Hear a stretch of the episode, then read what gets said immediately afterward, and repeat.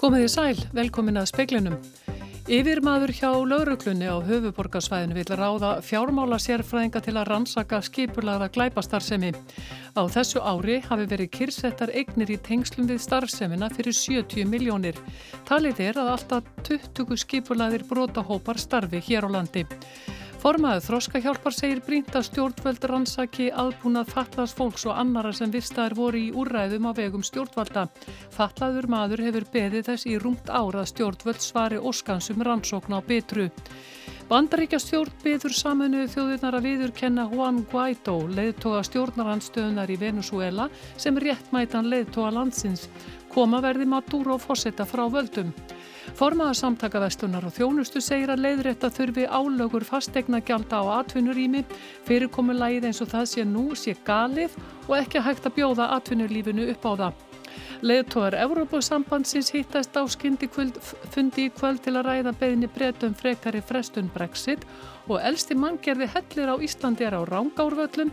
Þetta staðfesta niðurstöður fordlefa rannsóknar sem kynntar voru í dag. Líklegt þykir að nauta hellir sem getið er um í jarsteina bók Þorláks Helga Biskups í fundin. Umsjónum að speilsins í dag er Bergljótt Baldustóttir.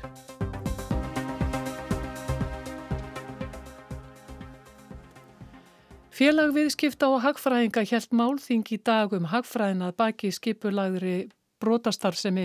Karl Steinar Valsson yfir lauruglu þjótt hjá laurugluna á höfuborgarsvæðinu sæði mikilvægt að endur skoða strax rannsóknara aðferðir lauruglunar og fá fjármála eigendur greinendur til liðs við rannsóknarhópin. Þessi þáttur vinnunar hinn efnahagslegi hafi lengi setið á hakanum. Um áramótin fekk lögregla 65 miljón króna auka fjárveitingu á þessu ári til að sinna þessu sérstaklega.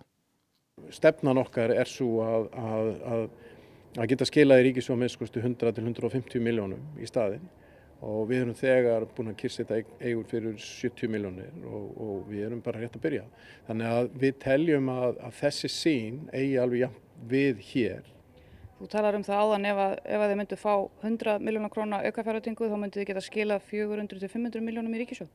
Já, ég, er, er, hérna, ég hef haldið þessu fram og, og, og, og segi það alveg, alveg reynd út að ég tel að við getum gert það. Saði Karl Steinar Valsson í viðtali við Sunnu Valgerðardóttur. Nánar verði fjallað um þetta í kveldréttum sjómás. Ólafur Hafstein Einarsson sem var föllunar, sinna vegna vistæður í fangelsuna betru hefur barist fyrir því að aðbúnar fallara þar verði rannsakaður. Í fréttaskýringaþættinum Kveik var í gær sagt frá máli Margreðar Esterar Erludóttur sem ólst upp á mörgum fósturheimulum og stopnunum þar sem hún var beitt líkamlegu og kynferðislegu ofbeldi. Hún fær ekki sangirni spætur frá ríkinu. Bryndís Snæpjastóttir, formaður Þróskahjálpar, segir að mál Ólafs og Esterar séu sambærileg. Við höfum verið að ítrekka þá að það verði skoðuð staða batna sem voru vistuð á heimilum fyrir föllibörn og við höfum líka verið að óska eftir því að verið skoða staða fullarinsfólk sem var eh, meðal annars vista á enga heimilum og mér sýnist að mál Estrar heyri það er undir og hún er greinlega vistu bæði sem batn og fullorinn þannig að þetta er algjörlega sambærilegt mál og sambærileg krafa sem hún er með og ef við horfum að hana og síðan Ólaf sem var vistar og betri þá er þeirra heitast á ósk að það sé viðurkent að þau hafa verið beitt þessum órétti og eins og þau hafa bæði sagt að þau fái upprest æru. Þannig að þetta er, þetta er bara nákvæmlega það sem við hefum verið að berjast fyrir. Ef við horfum til dæmis að málið hennar Esterar þannig er hún svift allri mentun mér finnst við skuldenni það að hún fái það bætt með einhverjum hætti og ég er alveg sem um hún er ekki eini í þessar stöðu þannig að mér finnst að við þurfum að fara ofin í kjöln á þessu og skoða þetta það þarf engin að segja mér að hún sé eina batna á Íslandi sem var fyrir þessu og hvert og eitt einasta bat skiptir máli. Og þetta var Bryndís Snæbjörnsdóttir, Kristín Sigurðardóttir talaði við hana. Jón Ólafur Halldórsson, formaður samtaka Veslunar og Þjónustu, segir að fyrirkomulag fastegna gjalda hér á landi sé galið og ekki hægt að bjóða atvinnu lífinu upp á það. Fjölmörg Veslunarími á besta stað í miðborginni standa nú auð og eftir spurn eftir Veslunarími í stóru Veslunarmiðstöðunum hér á landi hafi dreyist saman. Fyrir 10 til 15 árum var langur bygglisti fyrirtækja sem vildu komast í Veslunarmiðstöðarnar. Fastegna, fastegna gjöld atvinnu húsnæðis hér séu mun hærri en í nágrannarlöndunum. Rætt verður við Jón Ólaf síðar í speklinum. Bandaríkjaman fóru fram á það í dag að saminuðu þjóðurnar viður kendu Juan Guaidó leðtoga stjórnaranstöðunar í Venezuela sem réttmætan leðtoga landsins. Þeir higgjast leggja fram um það álíktun í öryggisráðunu á næstunni. Mike Pence var að fórseti bandaríkjana ávarpaði öryggisráðu í dag. Hann sagði að tími væri komin til að saminuðu þjóðurnar viðurkjandu Juan Guaidós fórsetta Venezuela til bráðabyrða sem hinn réttmæta leðtóa landsins. Hann bóðaði að bandaríkinn legðu á næstunni fram álíktunum það svo og að fulltrúi hans tæki sæti sendiherra landsins hjá saminuðu þjóðunum. Varafórsetin bætti því við að koma erði Nicolás Maduro fórsetta frá völdum. Bandaríkinn eru eitt af 50 ríkjum eða svo sem hafa viðurkent Guaidó sem fórsetta Venezuela. Hann er fórseti Þingslandsins og lísti sig fórseta til bráðabyrða í janúar. Það hvaðst hann gera þar sem Maduro hefði verið endur kjörinn fórseti með bráðum í fyrra og værið því ekki rétt kjörinn fórseti samkvæmt stjórnarskrá landsins. Álíktunin sem Pence bóðaði verður að sjálfsögðu feld í örgisræðinu. Rússar hafa lísti yfir stuðningi við Maduro og hleypa málinu því ekki í gegn. Í nýri skýrslu saminuðu þjóðana um ástandið í Venezuela segir að fjörðungur þjóðarinnar þurfi á mannúðar aðstóða halda vegna örbyrðar. Vannæring hefur þrefaldast síðastliðin fimm ár, engum meðal barna undir fimm ára aldri. Hátti þrjár og halv miljón íbúa er flúin til nágrannaríkja. Ásker Tómasson sagði frá. Styrkur Svifriks hefur farið hækkandi í borginni í dag. Ástæðan er sandfók frá söndunum á Suðurlandi. Samkvæmt upplýsingum frá veðurstofin er gert ráð fyrir svipuðu veðri næsta sólaringin og því mögulegt að styrkur Svifriks verði hár áfram. Kristín Lóa Ólafstóttir, heilbreyðis fulltrúi hjá heilbreyðis eftirliti Reykjavíkur, segir að mikla líkur á því að mengun fari yfir sólarings heilsuverndar mörg. Segir miklar líkur á því. Heilbreyðis eftirlitið fylgist náðu með loftgæðum borgarinnar og send sendir frá sér viðvaranir og leiðbenningar ef ástæða þykir til. Manngerður hellir sem fannst í otta á rángárvöllum er sá elsti sem fundist hefur á Íslandi. Þetta kemur fram í niðurstöðum fordleifaransóknar sem gerðar í fyrrasumar. Niðurstöðuna sína að djúpar og langar lautir í hellirstöðlum í otta eru fallnir manngerðir hellar. Grafnir voru tveir könnunaskurðir, í öðrum skurðinum var grafið í stóran fallin helli en í hinum var komið niður á minni uppistandandi helli og forskála frama við hann.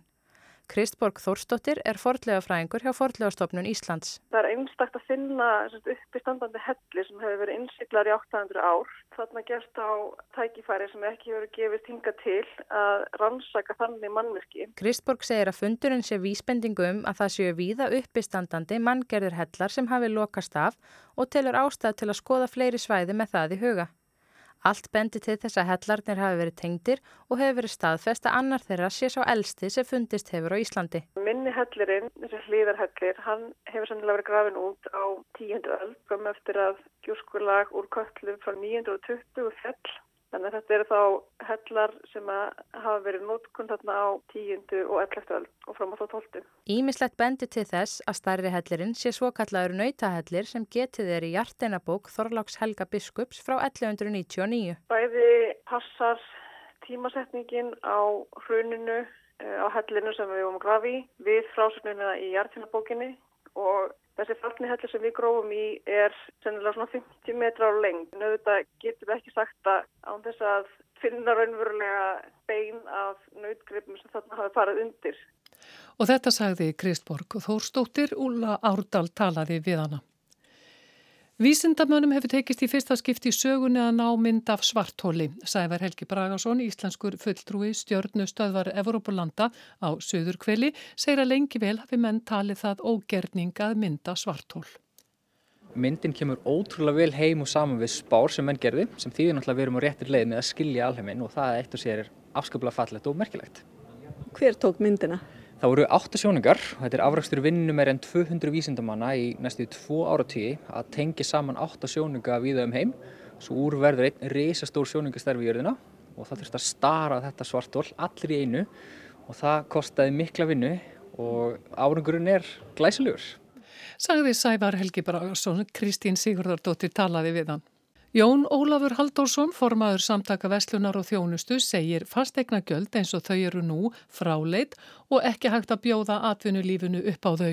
Fyrirkomulagi sé galið. Fjölmörg Vestlunarími á bestastæði miðborginni standa nú auð og Vestlunar eigundur segja að það megi meðal annars reykja til hára fastegna gjalda og hárar leigu. Við höfum hort á þessa þróun sem er eða sérstað núna lögum og höfum tölvöld miklar ágjör að þessu. Við teljum að fastegna skatturinn eigi tölurverðin hluta máli sem við sjáum þarna að gerast. Fastegna skattar á Íslandi hafa hækkað, ja, þeir hafa verið tvöfaldast síðustu 20 ár sem er afleitt þróun í að hvað sem er fyrir íbúa eða atvinnulífið og við höfum talað miklar áhengir af þessu. Og eitt af því sem við sjáum er það að maður horfir til samanbörðar í Skandinavi, landin sem við helst viljum bera okkur saman við, þá eru þessum skattamólum allt, neða, þau eru bara með allt öru fyrirkomulegi og þetta er nú bara þannig að þar eru menn með markasverð egna sem er nú þá stopnin að, að fastegna skattinum en þá eru menn með varuðarfæslu og segja að, fastegna gjöldin skulle þá vera um 75% af markasverðinu og þetta er miklu nær lægi að reyna að hugsa þetta með þessum hætti og hlutverk vera aðalega er náttúrulega að tryggja það að hér sé eh, aðdunlíf að það hafi góðan ramma og skilvirkni. Og þarna teljum við að við ættum að horfa til en hér er álækningaprósenda bæði næstu helmikið herri og við erum líka með enga varðafæstur á móti þessu sem við teljum að getur komið til góða. Hafið þið verið í einhverjum viðræðum við stjórnvöld uh, vegna þessa? Já, við höfum átt ágættisfundi með borgaríðvöldu sem dæmi, þar sem við höfum líst áhugjum okkar af þessu og þetta hefur náttúrulega gríðarlega áhrif segjum til dæmis á fastegna félögin sem Það er nú næri helmingur af rekstrar kostnaði þeirra, þeirra fyrirtækja eru þessi fastegna skattur og gjöld og auðvitað þegar þetta hækka með þessum hættin og við sjáum og þá endur speglast þetta í leiguverði annars vegar og, og síðan er auðvitað mála þeir sem er í einn húsnæði þeir þurfa þá að taka tilliti þeirra hækkuna sem þeir fá. Fastegnagjöldin hér eru 1,65% af fastegnamati en borgar yfirvöld hafa ákveðið að lækka þau í skrefum úr 1,65 niður í 1,63% árið 2021 og svo niður í 1,60% árið 2022. Jón Ólafur segir að allt of langt sé í fyrstur lækkun. Það er nú hafið fastegna verð hækkað út af aukinni eftirspurn að þá hefur borgin verið að auka til dæmi sína tekjur um næstu 2 miljardar sem er ansið mikið, mikið, mikið meira heldur en kannski eðlileg hækkun gæti hafa orðið að tekna til þetta hafvakstur á verðbólku. Þannig að við sjáum að þetta er bara framúkessla af hendi þessu umfyrra sem er að koma vestlunni af að rilla. En er þetta að bytna eitthvað sérstaklega á vestlunum í miðbænum? Já, okkar mæti þá sjáum við mesta breytinga þar. Við sjáum hvað hefur gæst í miðbænum. Það er náttúrulega búið að kaupa upp eignir þar til þess að byggja öðruvísi eignir til dæmis hótel þannig að fastegna verð þar hefur kannski hægt breytingi þar er kannski kraftmeiri heldur nú mörgum öðrum stöðum því að þar eru einstakar sölur á eldra húsnæði sem hefur færið upp vegna sem henn hafa að fara að stað með hótelbyggingar eitthvað slík þannig að auðvitað augljóslega hækkar það allt fastegna verð þarna í borgin og, og leigan þar með og gerir rekstra umhverfið mun erfiðara þar Jón Ólafur segist ekki hafa síð auðar veslanir nema í miðbænum. Hann sé stóra áhyggjuefnið. En auðvitað verður að geta sangirni umræðinu. Við sjáum það alveg. Það er minni eftirspur til dæmis í veslanumestunum og stóru eftir veslanarhúsnaði 10-15 árum síðan að þá sáum við það að þá var langu listi af fyrirtæki sem vilja komast þar inn. Sá listi hann hefur breyst, hann hefur minka og dreist saman.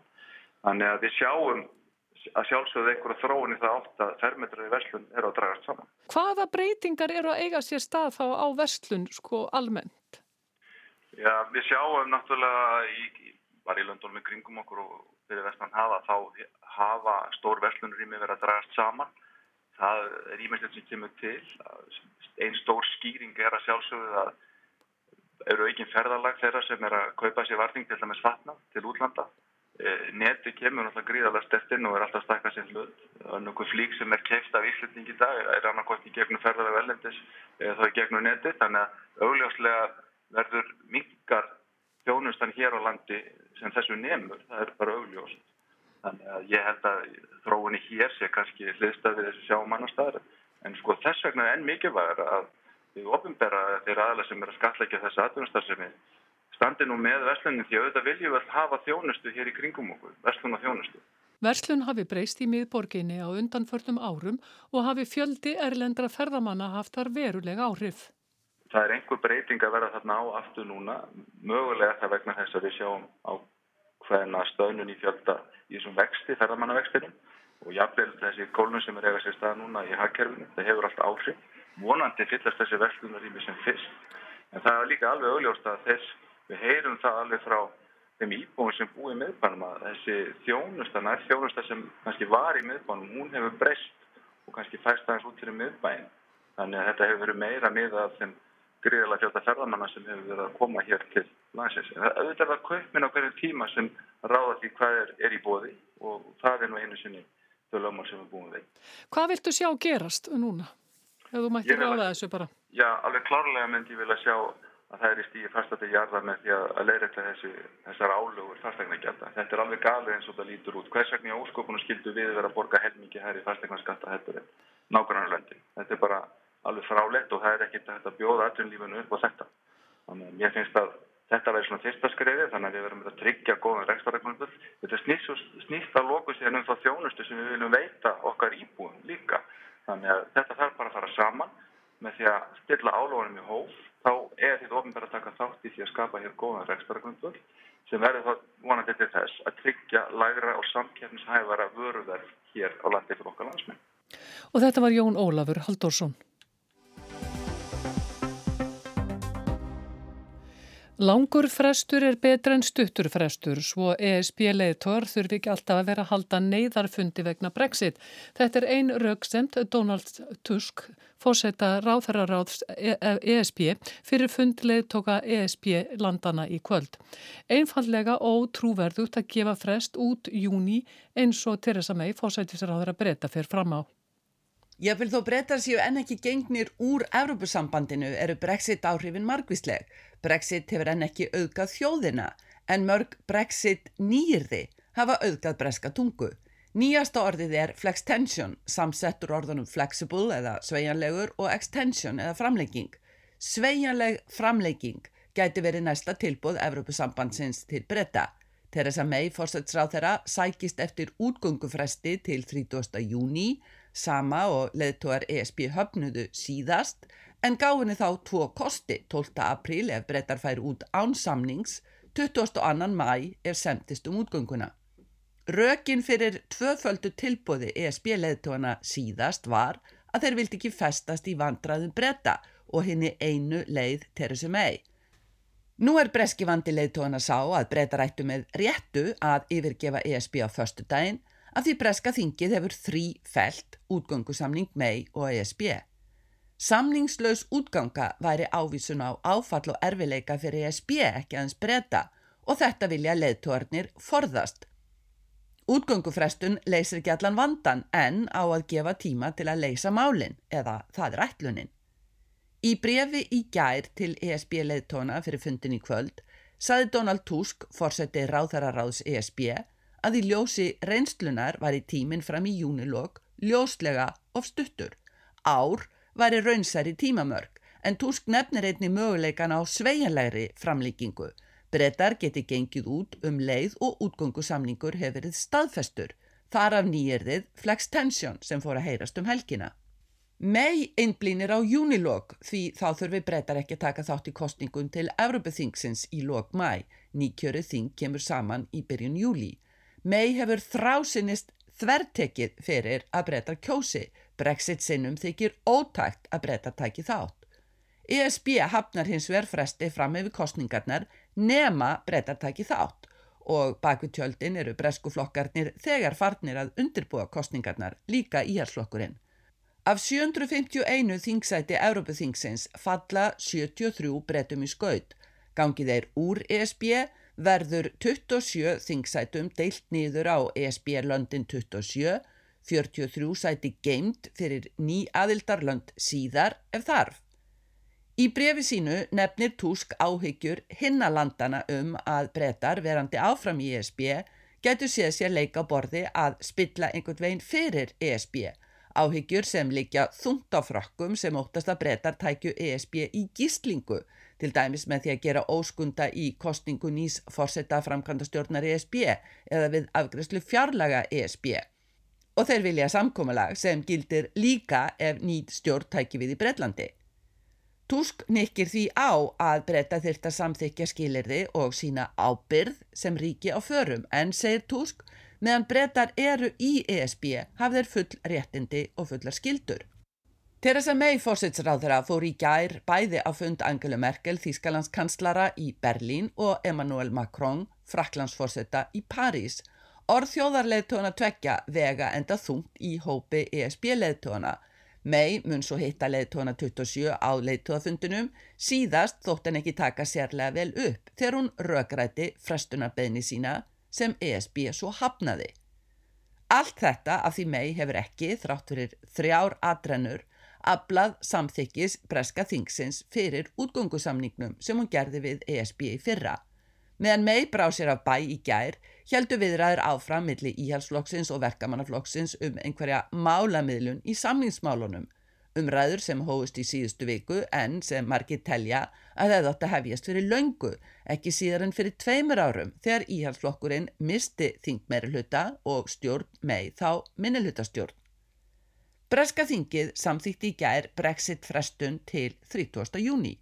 Þriðjungur þingflokks íhalsflokksins kaus gegn stjórninni álíka margi sátu hjá.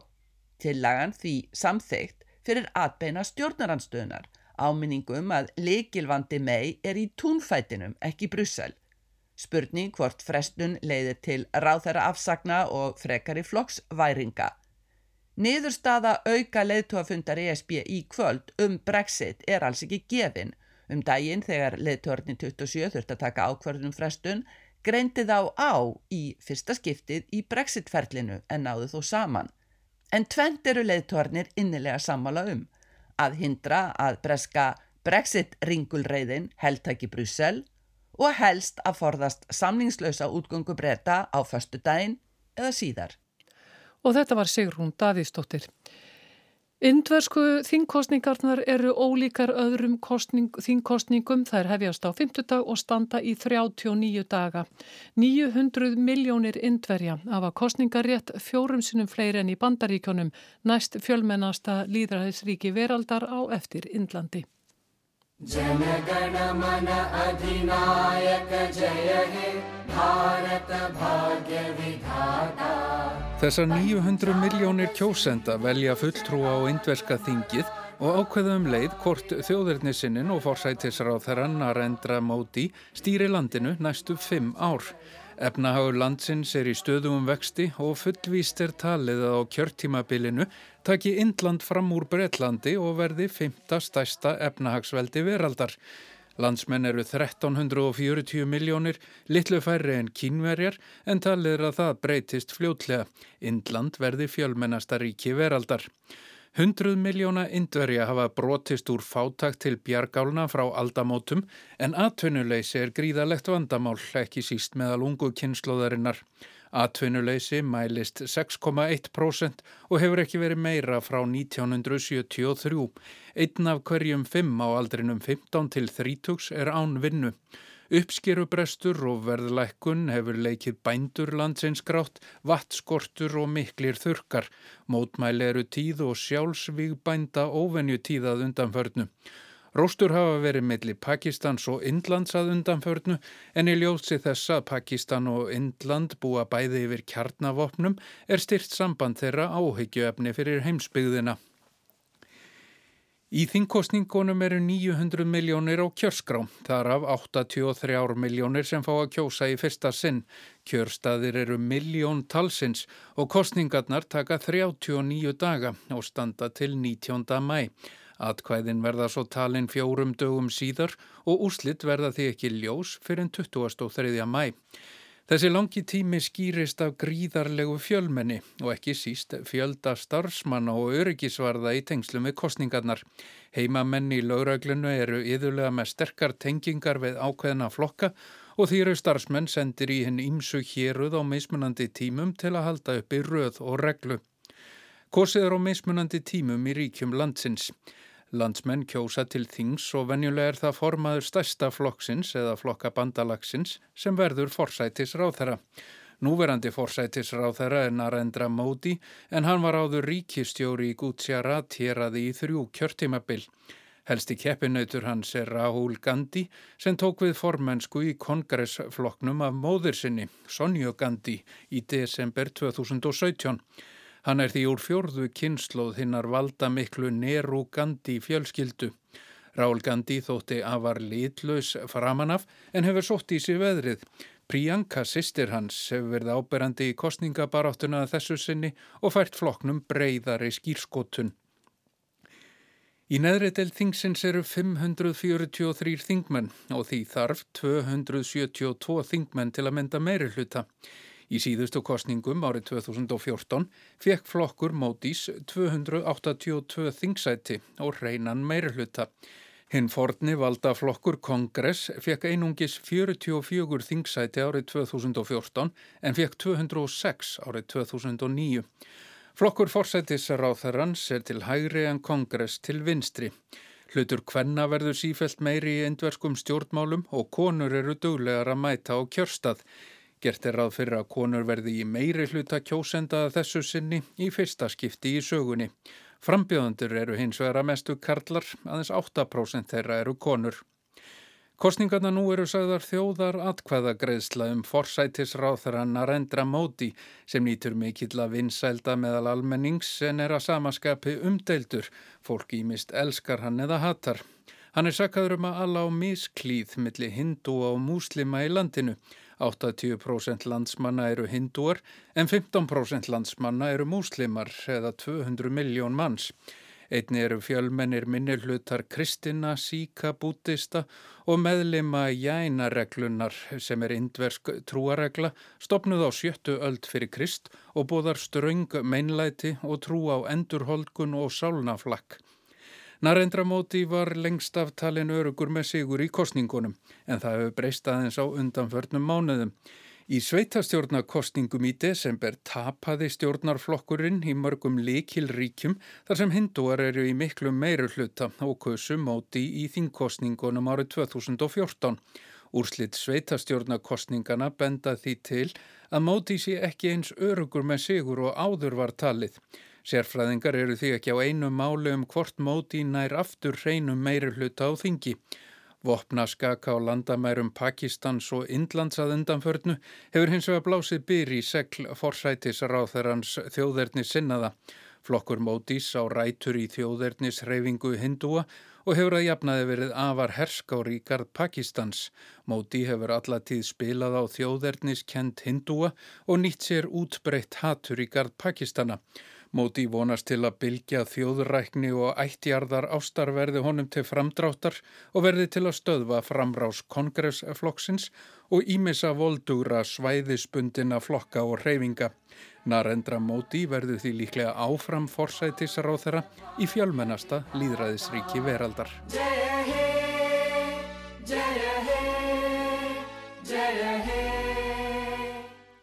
Pálmi Jónasson tók pistilinn saman. Veðurhorfur næsta sólaringin, austlæg átt, 3-8 metrar á sekundu en 10-15 síðst á landinu, létt skíjað norðan til á landinu en skíjað með köplum annar staðar og smá skúrir um suðaustanvert landið. Suðaustan 8-15 annað kvöld og dálítil rigning en hægari vindur og áfram þurft norðanlands. Hiti 3-9 stig en kaldar að næturlægi, hlínar heldur á morgun. Og það fleira var ekki í speklinum í kvöld, tæknimaður var Davíð Berntsen, verði sæl.